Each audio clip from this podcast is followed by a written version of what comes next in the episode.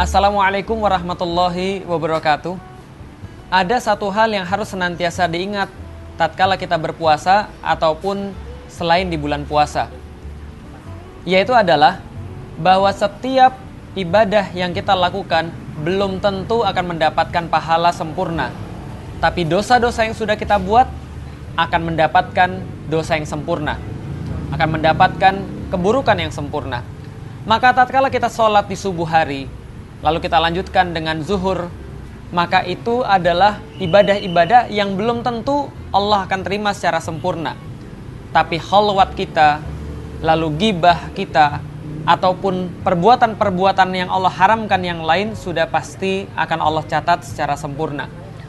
Kita lihat pada saat ini remaja-remaja di bulan Ramadan mereka mungkin tidak terlalu ingat atau perlu diingatkan lagi dengan hal ini. Karena itu kebanyakan yang kita lihat adalah STMJ. Sholat terus, maksiat jalan.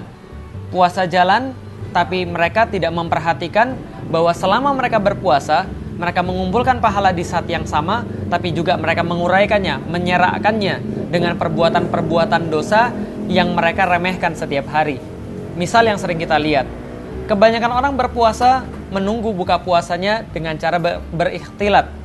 Mereka bercampur baur antara bukan bukan mahram, antara laki-laki, wanita, yang mereka tidak ada keperluan di situ. Mungkin mereka mengatakan ingin terawih bareng atau mengatakan ingin buka puasa bareng, tapi ternyata yang mereka lakukan memang kebaikan. Buka puasa bareng adalah kebaikan, taraweh bareng adalah kebaikan, tapi dalam prosesnya melibatkan dosa-dosa yang tidak Allah inginkan.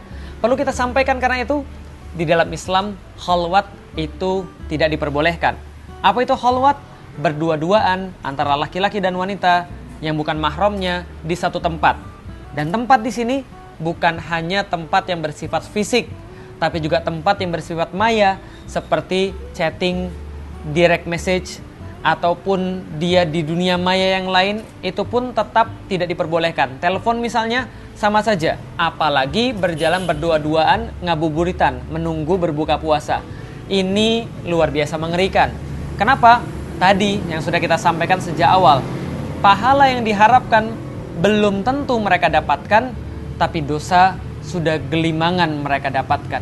Karena itulah hati-hati jangan sampai puasa kita menjadi sebagaimana yang diperingatkan oleh Rasulullah Shallallahu Alaihi Wasallam bahwa banyak yang berpuasa tapi mereka tidak mendapatkan apa pun selain rasa lapar dan juga rasa lelah.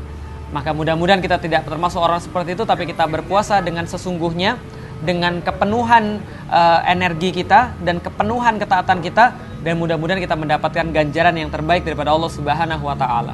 Selamat menunaikan ibadah puasa. Assalamualaikum warahmatullahi wabarakatuh.